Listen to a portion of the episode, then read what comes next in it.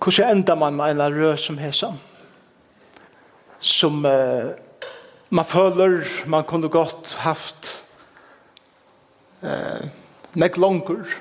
av tog at det er en nekver for åsvære spurningar. Men det er just det som alltid er spennende viløyvenen til det er åsvære spurningar. uh, som vi öll må bare kjøkken fyra og asanna at det er alltid åsväre spurningar spurningar. Lykka som tid er jeg og en fer. Lika som tid så er jeg så er jeg avvirskaver av eh, omgjevelsen som er oppvaksen i og som eh, er livet i kvann det og det har vi nekk at tøya i okkar livet.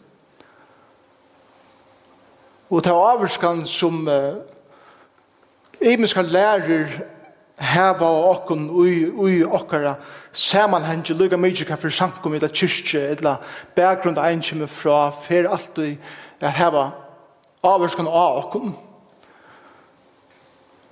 Det betyr ikkje til at man vil kvart vir nøytur at spyrja spurningar Og eisne kommer til her hver man tårer at brøyda mening om noen ting. Jeg håper at jeg ikke blir så gammel enn at jeg er kvarst til å høgge eller stinke i.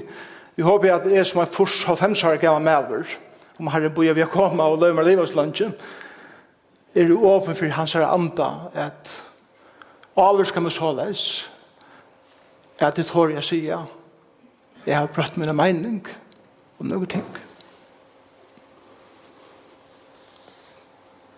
Vi vil gjerne spørre om kvinnerne hevet eisen ved en fyr. Jeg halte det her som er åpenbæra stålaga gods særlige fyrir mer utjøkken noen årene som eh, jeg har tant herren er hettar er sutja tan utrolige vekerleikan i skapaversen. Og her er også ikke bare om skapande verset, altså universet og planeterna og vekerleikan ut i skapta, men, men hva det var som god gjør det. Og hvordan han skapte forhold og i middelen særlige mennesker, men annars i ødlen. Og den vekerleikan som var i middelen Adam og Eve, som var fiskapt, skapt. Jeg har haft en av utrolig store avvirskan av meg. Men eisene så er suttja hva fattelig hever gjørst. Og at eh, Ikke bare at hitje er at fattelig noen, men eisen er at føle fatle i seg sjolven, hvordan en sjolver er i fyrir øren, og eisen er hvordan sjolver er i mengan i fyrir min kone. Og, og, og hvordan, hvordan rævlig fattelig er, og hvordan djupt dette ligger ui okken, er dominera. Og så få få egen opp fire hesson og medelige vekra som god til gjørst. Og til enda løysingen at Jesus Kristus kom til gjerrar at gjerra nega nytt som var bråte. Og før åkken atter til det opprunalige som god yngste vi menneskene har haft en veldig avgjørskan. Og hvordan jeg husker hele tiden til åkest. Og ikke bare til åkust, men praktisk. Vi må gjøre en steg. Rompraven, som vi tar utjøkken kanskje her, har haft en veldig avvarskende med personlig. Selv om det var jeg som underviste, det, så har vi det sannlige færre utjøkken med. Særlig at jeg husker om det samme som Rombra og lærer, hvordan rævlig synden er, hvordan omedelig dyra bør nøyen er, og hvordan utrolig rukt antallet løyver. Hm. Det er tog noe andre fordøming for deg som Kristi Jesu er hever utroligere avleggingar om vi løyva tog frem et i akkurat liv. Og vi tåra løyva tøy og åpna slusene for at det vattnet, livande vattnet, skal renna inn ut de områdene som ikke har finnet vatten. Så også eisen om som man leser i bøyplene, og man, man vil avvirke av det her, sånn her, som jeg ikke har sagt, er få heldar myndene av andan i skriften, som jeg vil se til under tver iveskrift, heldar anden av skriften er nøye og heila leitje gods. Nøye og heila leitje høyre alltid saman. Nøye utan heilalaika er skreiv nøye. Heilalleika utan nøye er skreiver heilalaika. Og, og den saman tvinningen som vi suttir i skriften om er helt fantastisk. Og tar man så sorterer jeg til verset at og i endur for en Kristus er det hver som er over eller kvinna, vi du, ødel eit. Og i Kristus så betyr det øyne nekv. så tar alt kommer til alt. Så er det faktisk slett ikke spørninger om hva kvinner kunne eller ikke. Og hva mening om det. Spørninger som jeg er vel å komme til er hvordan behandler vi Bibelen? Og hvordan leser vi den? Og hvordan utlegger vi den? F.F. Bruce har gjort meg øyelig vel her. Som veldig maveren som har fyllt vi god til nekvar, som kjente Paulus og kjente hans herre hjertelige, sier så leis at Paulus som brukte sitt liv at samføre menneske om at de er enda løst i Kristus til de som kom til trygg var han og at de er løst fra traldom og lovaren der. Og vi har gjort det, og hans har brøv til lovarbå og listar, og regler som vi skulle fylltja etter.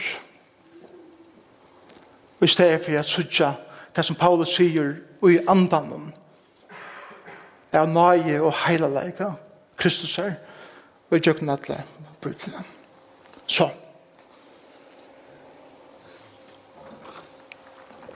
kunne sagt ammen her. Det er ok å si amen. og, og ja, og halleluja. Og i samkommen her. Jeg husker meg enda seg røyene på hendene maten. Jeg mynte dere ene for å si at å, hvordan omedelig underfotler Jesus er. Og, og bare teka Jeg skal ikke for å utlegge versen, vi vil ikke tog til det her. Det er en lengd frasøkning, og det er da vi Jesus hitte kvinnerne ved Sikarsbrunnen. Samværs og kvinnerne ved Sikarsbrunnen. Og hitte er at her, hvordan nøye og heileleidje Kristus er, kommer til skjønter. Og så gjerne anvende det som Jesus gjør her, til okkara mata. Ikki bare er svære spørninger vi en kvinne, men heila tidsje okkara mata er behandla bibelska sannleikar oppå. Kvinnan og henda røyn er bare et dømi om hvordan vi det eier lesa bøyblina. Men hvis vi får egen og fire hesson at lesa Bibelen og sin held som 36 karlagsbrøv fra god hver han jøgnun skuiner sin nøye sin heilalega så får det avverska alle andre områder som vi diskuterer i skriften. Og det er vanlig at vi har finnet en sindre tog vi i kjøkkenen, disse røyene. Eh, teksten som vi har framfyrir oss er Johannes kapittel 4. Det er faktisk nesten alle kapitlen, og vi har vi har ikke tog at, at jeg leser det til verre i det. Jeg, jeg, ganger ut fra at fleste av okken kjenner søvnene, Man skal ikke si at her langer jeg vet dem, tror jeg at det er meg særlig unge det som skal kjenne skriften av langer som så. Men, men kvinnan ved Sigersbron er en samversk kvinna. Hon er fra Samaria, som er beint norra for Judea og sunna for Galilea, ligger middel Galilea og, og Judea. Samaria var, var ble jo sånn utskått til at nek, nek, nek år framan undan eh, var jødene tekner i utleggt til Assyria, og de var gift vid vikvarnøren, og tog var hese jødene blivne hettning, eller halver hetningar, som jødene kallar for hundaner. Og det ønsker vi til å gjøre, og sammen samverja venda så jødene rikken og bytja seg så det egnet sted hvert de kommer tilbe god. Så, så det var en etnisk separasjon, og det var eisen en religiøs separasjon, og så gjerne sjående var eisen en sosial separasjon. Og jødene hadde ikke vi samverger å gjøre, det sier vers 9 i eh, Johannes 4. Så det er sammenhengen. Ta og en jøde skulle feres fra Judea, nord til Galilea, så måtte jeg feres i Samaria, utenfor Ester om Jordanen, og feres oppgjøkken Perea, den landsparten som han er ta, og så vestratre inn i Galilea. Det gjør det fleste gjøter. Jesus veler affær av kjøkkenen Samaria, til han heier ikke så fordommene som det første høtt. Til bakgrunn. Og det første som er suttje og ute som Jesus gjør her på en, den heter så kvinner, heter Jesus underkjever seg en kvinne og byr henne om hjelp.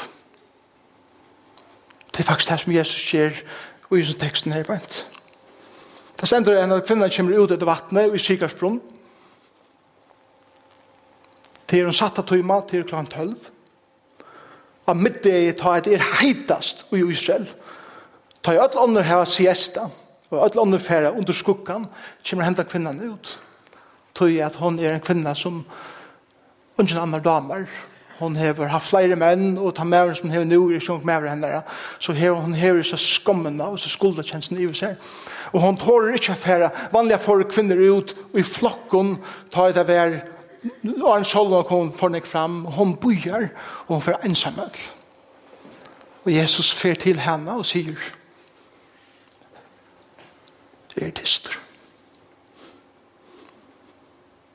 Kjemmer å drekke han. Og det er lagt jo åkken bare lese er. Og Utan hokser om at Jesus bryter fullkomlig alle tradisjoner og kjenner kvinnen. En samvärskvinna, hvis du er en samvärskvinna, så skulle du helst være minimum 20 meter fra henne, annars kunne du bare dolka over av henne. Jesus bryter til henne. Han bryter som en rabbi, eller som en lærer, tradisjonen av at en rabbi snakkar ikke engang hos sin egne kone ut i allment. Og han kommer seg sier kvinnene nær. Han ignorerer fullkomliga 600 år av strusjsøvi i middelen jøtar og samverger ved at tala via en av samverger kvinner. Og, og det som særlig bøyde med visene her, andan som Jesus hever, er etter at han eh, Han fullkomlig gjør seg avhengigen av hans kvinne. Jeg har bruk for henne hjelp. Han sier, det er tyster. Og så gjør jeg mer. Jeg drekker.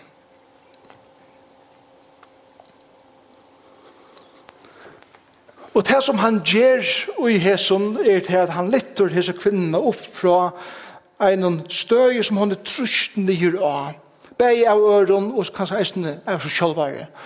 Og han trakk som han fer nye og han, han lytter han opp. Og han sier akkurat som skal ikke minne det av hva det er som god opprunalige atleie vi tog innom løyve.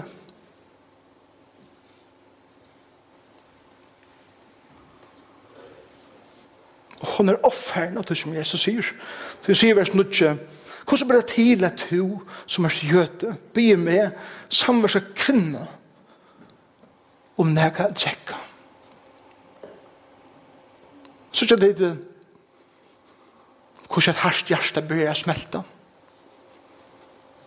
under nøye Jesus her. Men det neste som vi lærer i isen her, er ikke bare til Jesus undergjøver seg en kvinne og byr om henne hjelp, men det neste er etter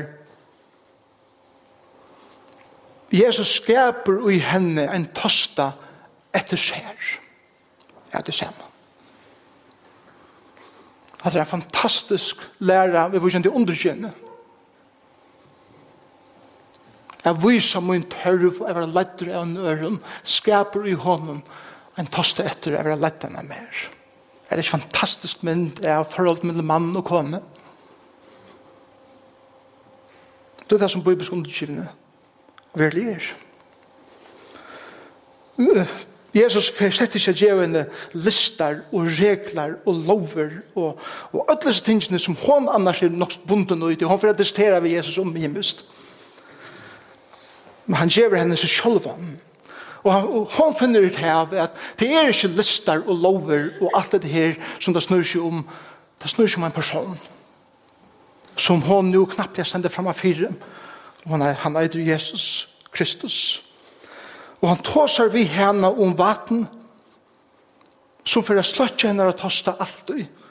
Annars måtte hun kvann der komme ut etter vattnet, og nå hører hun om livande vatten som skal sløtje den tosta alt i. Og han skaper i henne, heter henne langselen. Etter noe meir. Avversa Jesus vi henne. Kan så fære inn i bygdene og, og råba til mannen Og Hun sier, jeg har noen mann. Og hun, hun løyer ikke. Teknisk løyer hun ikke, det sier Jesus i teksten. Og han sier, nei, det passer. Mæren som du har nå er ikke mæren til, nå er det ikke det som du har haft åren. Hvis Jesus var en rattor rabbi i herbeint, så har han tidsi en stein opp som han har rett til. Han sier til hun bråte Moselov, og han kom til steina han Tan steinen hei sett seg inn i henne og holdt. Men hva gjør det hans nøye? Han brente seg inn i henne hjärsta. Og hva løser seg bedre?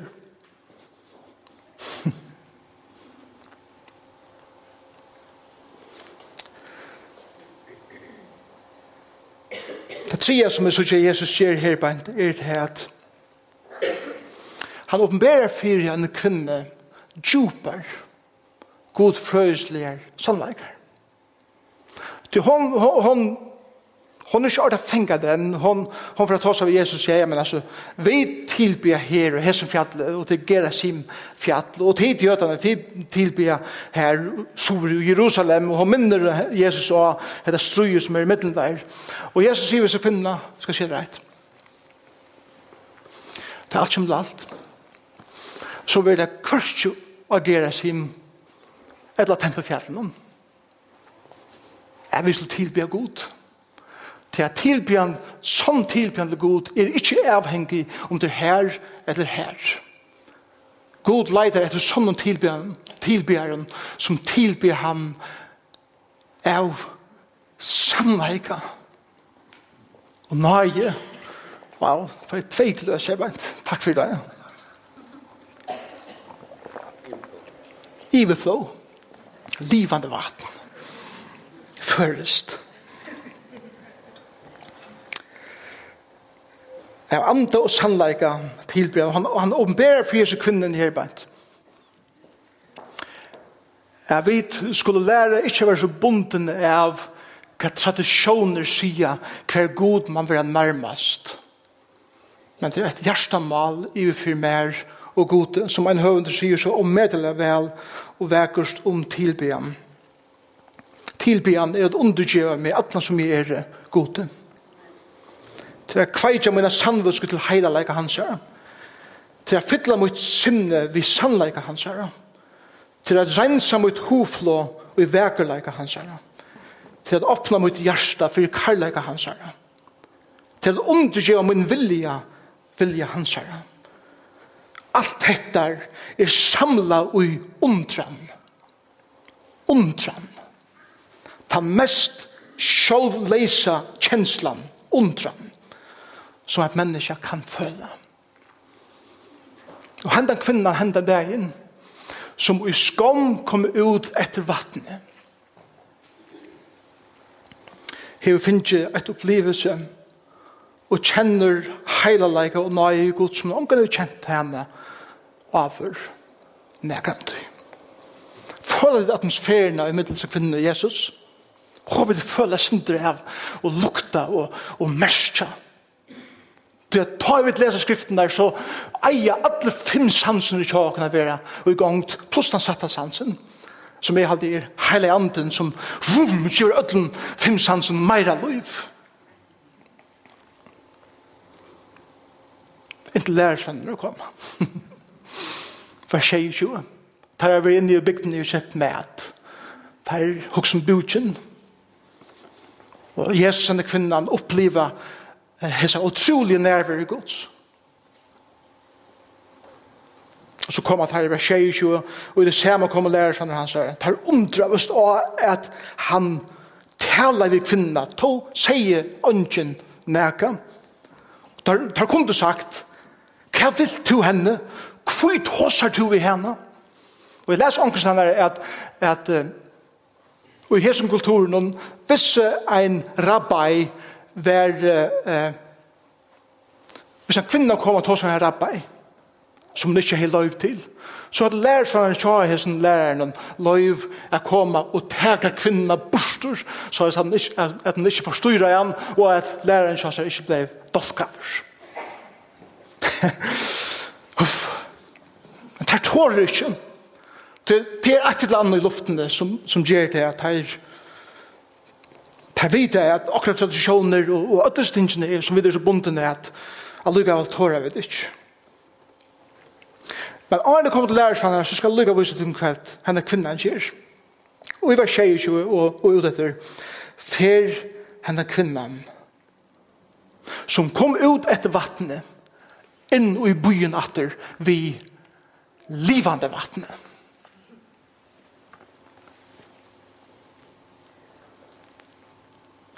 Og hon er en firemynd fyrir til kvinnerne som troi år settene får inn i byen og sier fra at han er opprisen.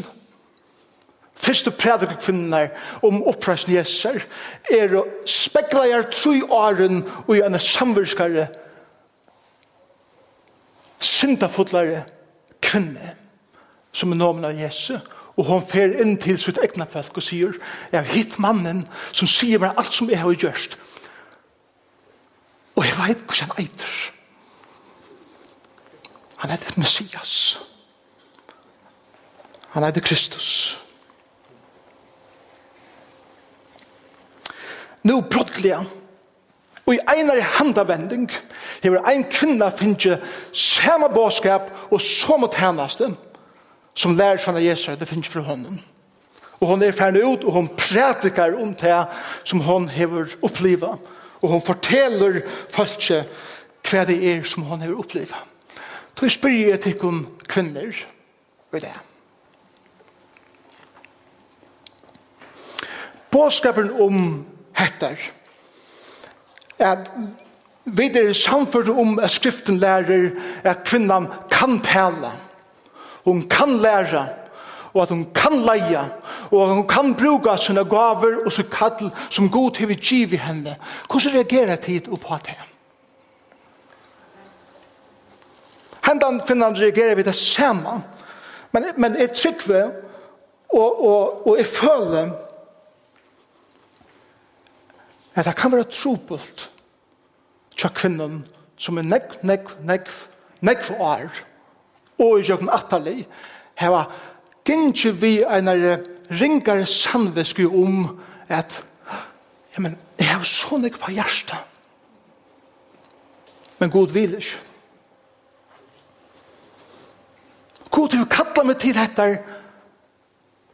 men jeg slipper ikke.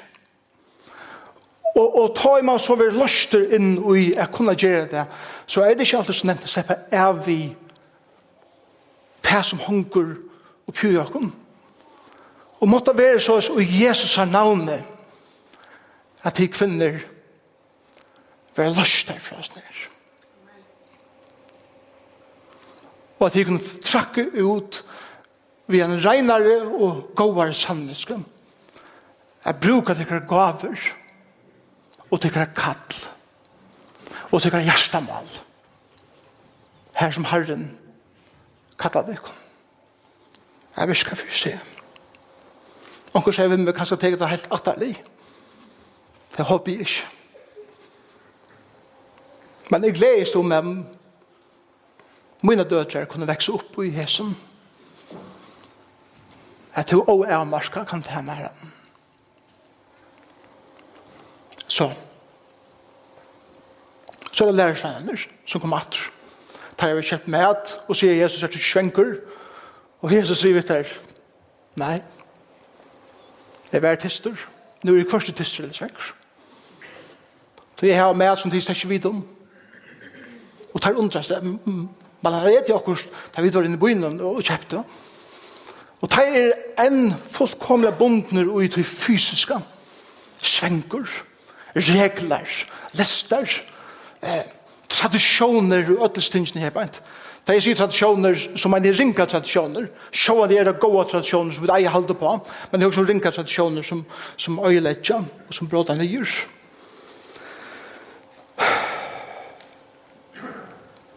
Det er også mer om tradisjoner enn om det som Jesus gjørte og i løyven om tja kvinnene.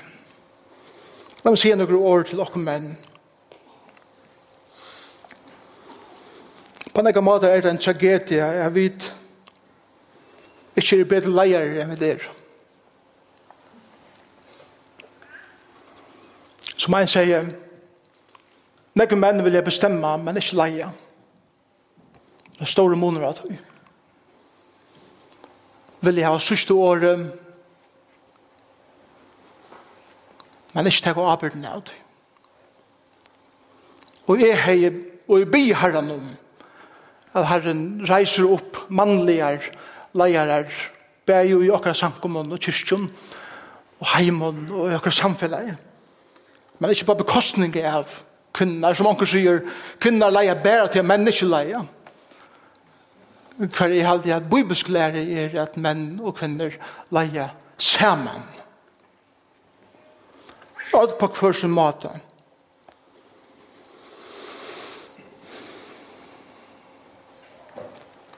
Ja, mæveren er høyt kvinnen der. Aha. Det passer. Skriften lærer det pura greit. Færen er høyt Kristus her. Hvordan ser det her ut? Kristus er høver samkommen der. Hvordan ser det her ut? Hva er verlig og uttøy? Og mæveren er høyt kvinnen der. Hvordan ser det her ut? Jeg har sett tog affæren av det her som nek, men jeg sier til å nevne det senest, og jeg gjør det her. Jeg vil definere høyt såleis. Jeg vil høtt, er å være en garantor for velferden i kjønnør. Hadde jeg en god mynd av, å være høtt. Jeg vil være en garantor for velferden i kjønnør. Det er å verja mer enn det er å roa. Det er å ha omsorgen i stedet for å dominere. Det er å vilja tjene heldre enn å ha makt fægeren var garanteren for oppreisen Jesus. Jesus er garanteren for at brorsøyen var ført heim til himmels. Og han setter sitt egna liv på spil. Med vår er sjølver vi. Er det er jo to garanteren for at okkara koner og okkara døtrar og syner Her var det godt. Og var oppe alt og i øtta herrens. Er du en garanter for din heime? Er du en garanter for din samkomme? Til spørningen som Bibelen spyr dere menn. Så kommer vi til det som hender. Hon får inn til folkene. Og så her er så iverskriftene. Et glemt folk fann frelsere heimsins gjøkken en hettene omoralske kvinne. Og de færre ut til Jesus at hette den mannen som hon har hett.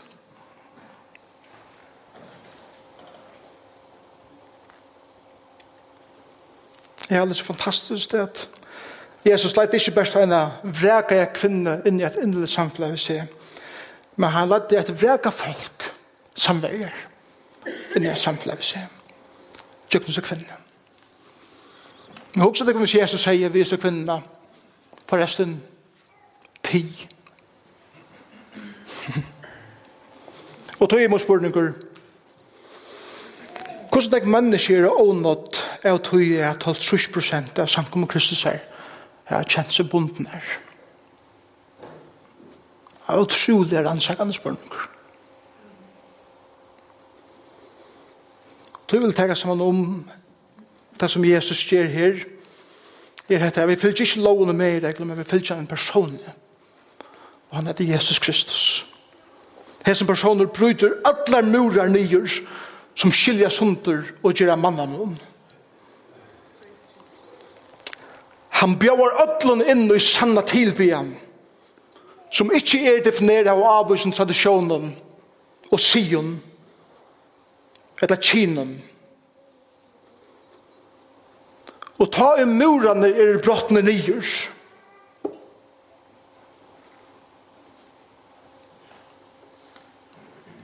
Ta i Jesus i sentrum. Og ta Jesus i sentrum. Så vil han bjóa våre stegge av tjakken til det som teksten her sier. Jesus stegge av. Og Jesus være her nekker her sammen vidt heimen og enda flere kom til trygg. Føla ditt nøyene og føla ditt hele leikene, ut som Jesus gjør. Hette han anden som jeg kjenner alle skriftene. Og hette her brillene som vi eier at lese alle skriftene og i lyga mye hva evne det er som vi leser. Og tar vi køyre hesa brillene her på og teka okkara 21. aldar tradisjonsbundne briller av så er vi nekk mer åpen for det som herre lærer i skriften om så, så kan spyrir spurningen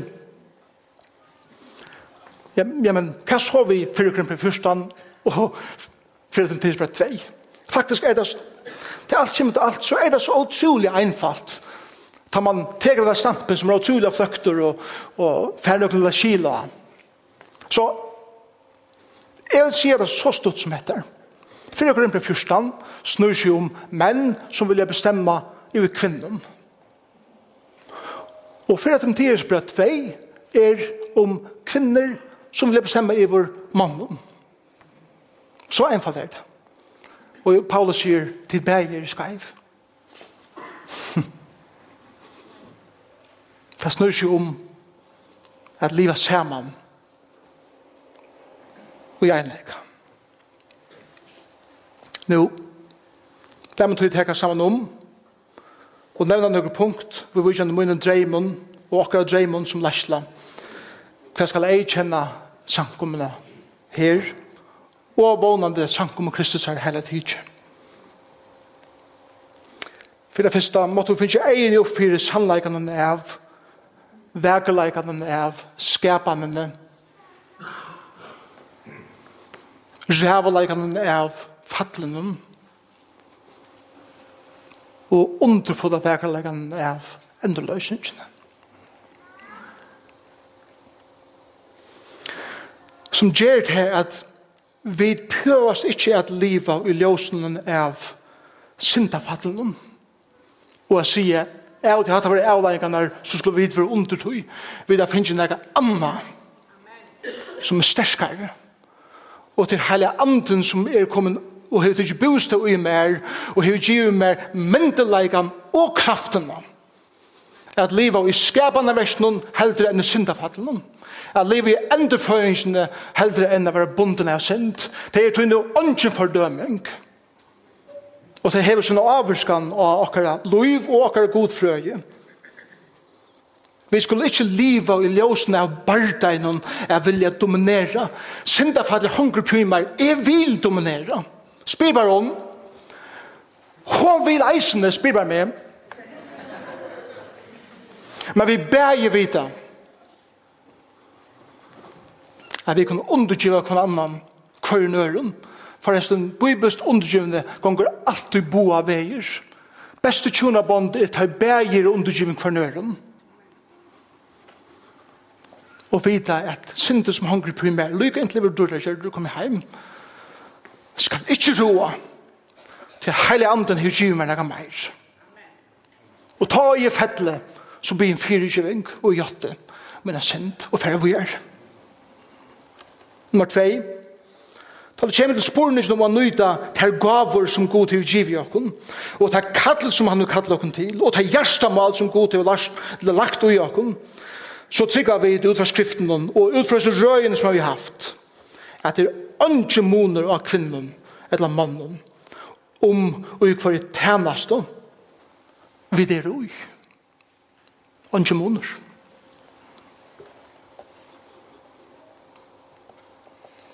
Tui er det ongfyr sida, tui er det ongfyr tjena i herrens versen, som best er for menn, og som best er for kvinner, eller hver menn er utelukka er, og hver kvinner er utelukka er. Sjåan kunne være undantøk, for det er særlig tiltøk som er atla kvinnen, og særlig tiltøk atla mannen, som vi er. Det er ikke det som vi tar seg om, det er det som om heldermyndene av samkommet løyven. Nummer fyra, vi vil ta minna av, og edja, imiskleika i middelen kvinner og menn.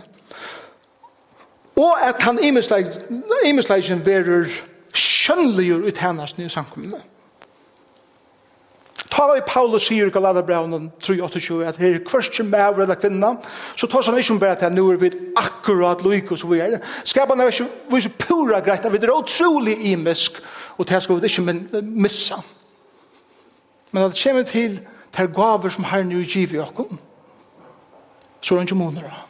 Her. Nummer fem. Jeg stander korsen ikke her og præder seg jaunrattende. Ok, nå er det så snakker eldste her menn, så skulle det være så snakker eldste kvinner. Så nå er det så snakker menn i hæsert hæsartjennesten, så skulle det være så snakker kvinner i hæsert hennes. Gløym til. Så det snur seg om er, hever Herren kallet det til nekka. Hever Herren givet det gaver. Fyrst spurningur er hvordan nekv er kvarje nere i hver tjeneste, men livet ho i til tjeneste som herren kallar det til. Og til kvinner som kjenner at herren leie tikkun er at, at leia og at bliva en leiande personer og isu samkomne her bænt. Så fra vi ikke ut av leit etter det skal være så snakke kvinner, om det så bare er ein, så har en sikten til. Og om det var tutsi og ein maver, herren sikten til maver. Men det er slett det som det snur seg om.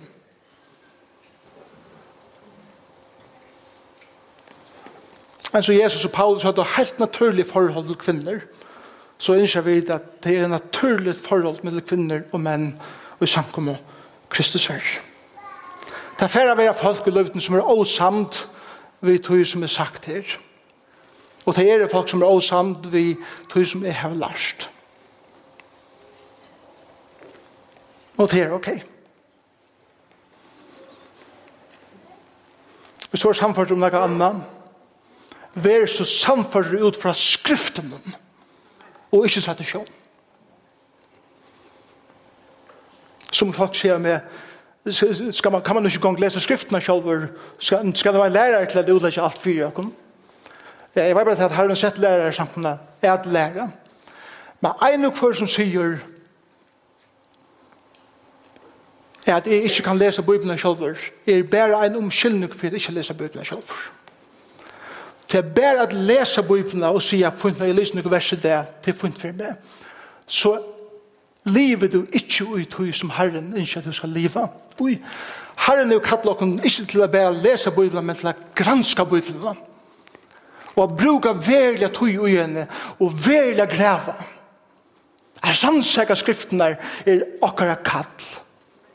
Og så har man lærere til å kunne og av imest til at det krever fotla tøy arbeid jeg ser det sin ui nekka avsning. Hetta er ikki um skilning for jeg bare at nú kan ikki lesa lese sjálvur. Hetta Hette vera ikki ikke lesa å meir. Kvinner, Som er tekna har gynnsje vi ringar samvisk og baskleik og måte god og sjøkna lengt loiv. Og som ei kvinna sier meg en dag inn Eit som er det røyne og hjelp meg vidt, jeg slipper av i øyene. Vi måtte god. Og jeg sier, yeah. amen.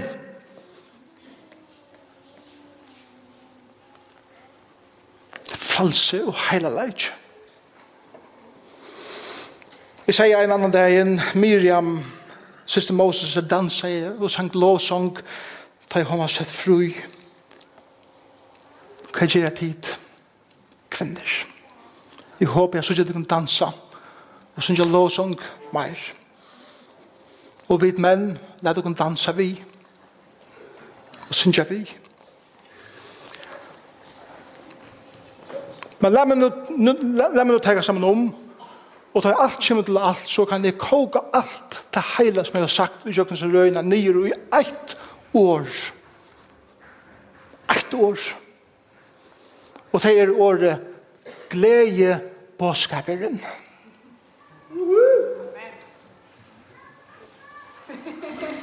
Akkur hefur glede. Det er verda kære til som heter snusjum. Da vi sier vi boa glede påskaperen. Glede så er det ikke bare at Jesus døg av krossen for jeg bjergkongen fra helvete. Hva gjør det han eisen? Men han døg av krossen for jeg bjergkongen alle veien kjøkken løyve og få smakke av hvordan underfodler han er og da jeg skaber i åkna langsel jeg kommer hjem og sutja han eietlig eie enn det. Og tog vil si av til kære viner som er her i morgen og Og du har kanskje kommet av forvittne at høyre hva vi har å si om kvinnene. Det er slett kvinner som det snur seg om til Herre Jesus Kristus som det snur som som bjør at her liv i det som bjør at her smakk av sånne nøye og sånne heile leika. som sier vi til at døy av krossen og fyrir tøyna synder og lag meg blå flåta fyrir at du kan det sette fryer og han bjør at her inni samfunnet vi ser og i det Og smakkerne av frelse og nøye og heilaleika som er i luften er bare en forsmakker av hva det betyr å komme inn i samfunnet ved Jesus Kristus. Og han er han som vi boa i hese samkommende. Og han er han personer som vi lytta hakst for hans egnan navn skilt. Amen.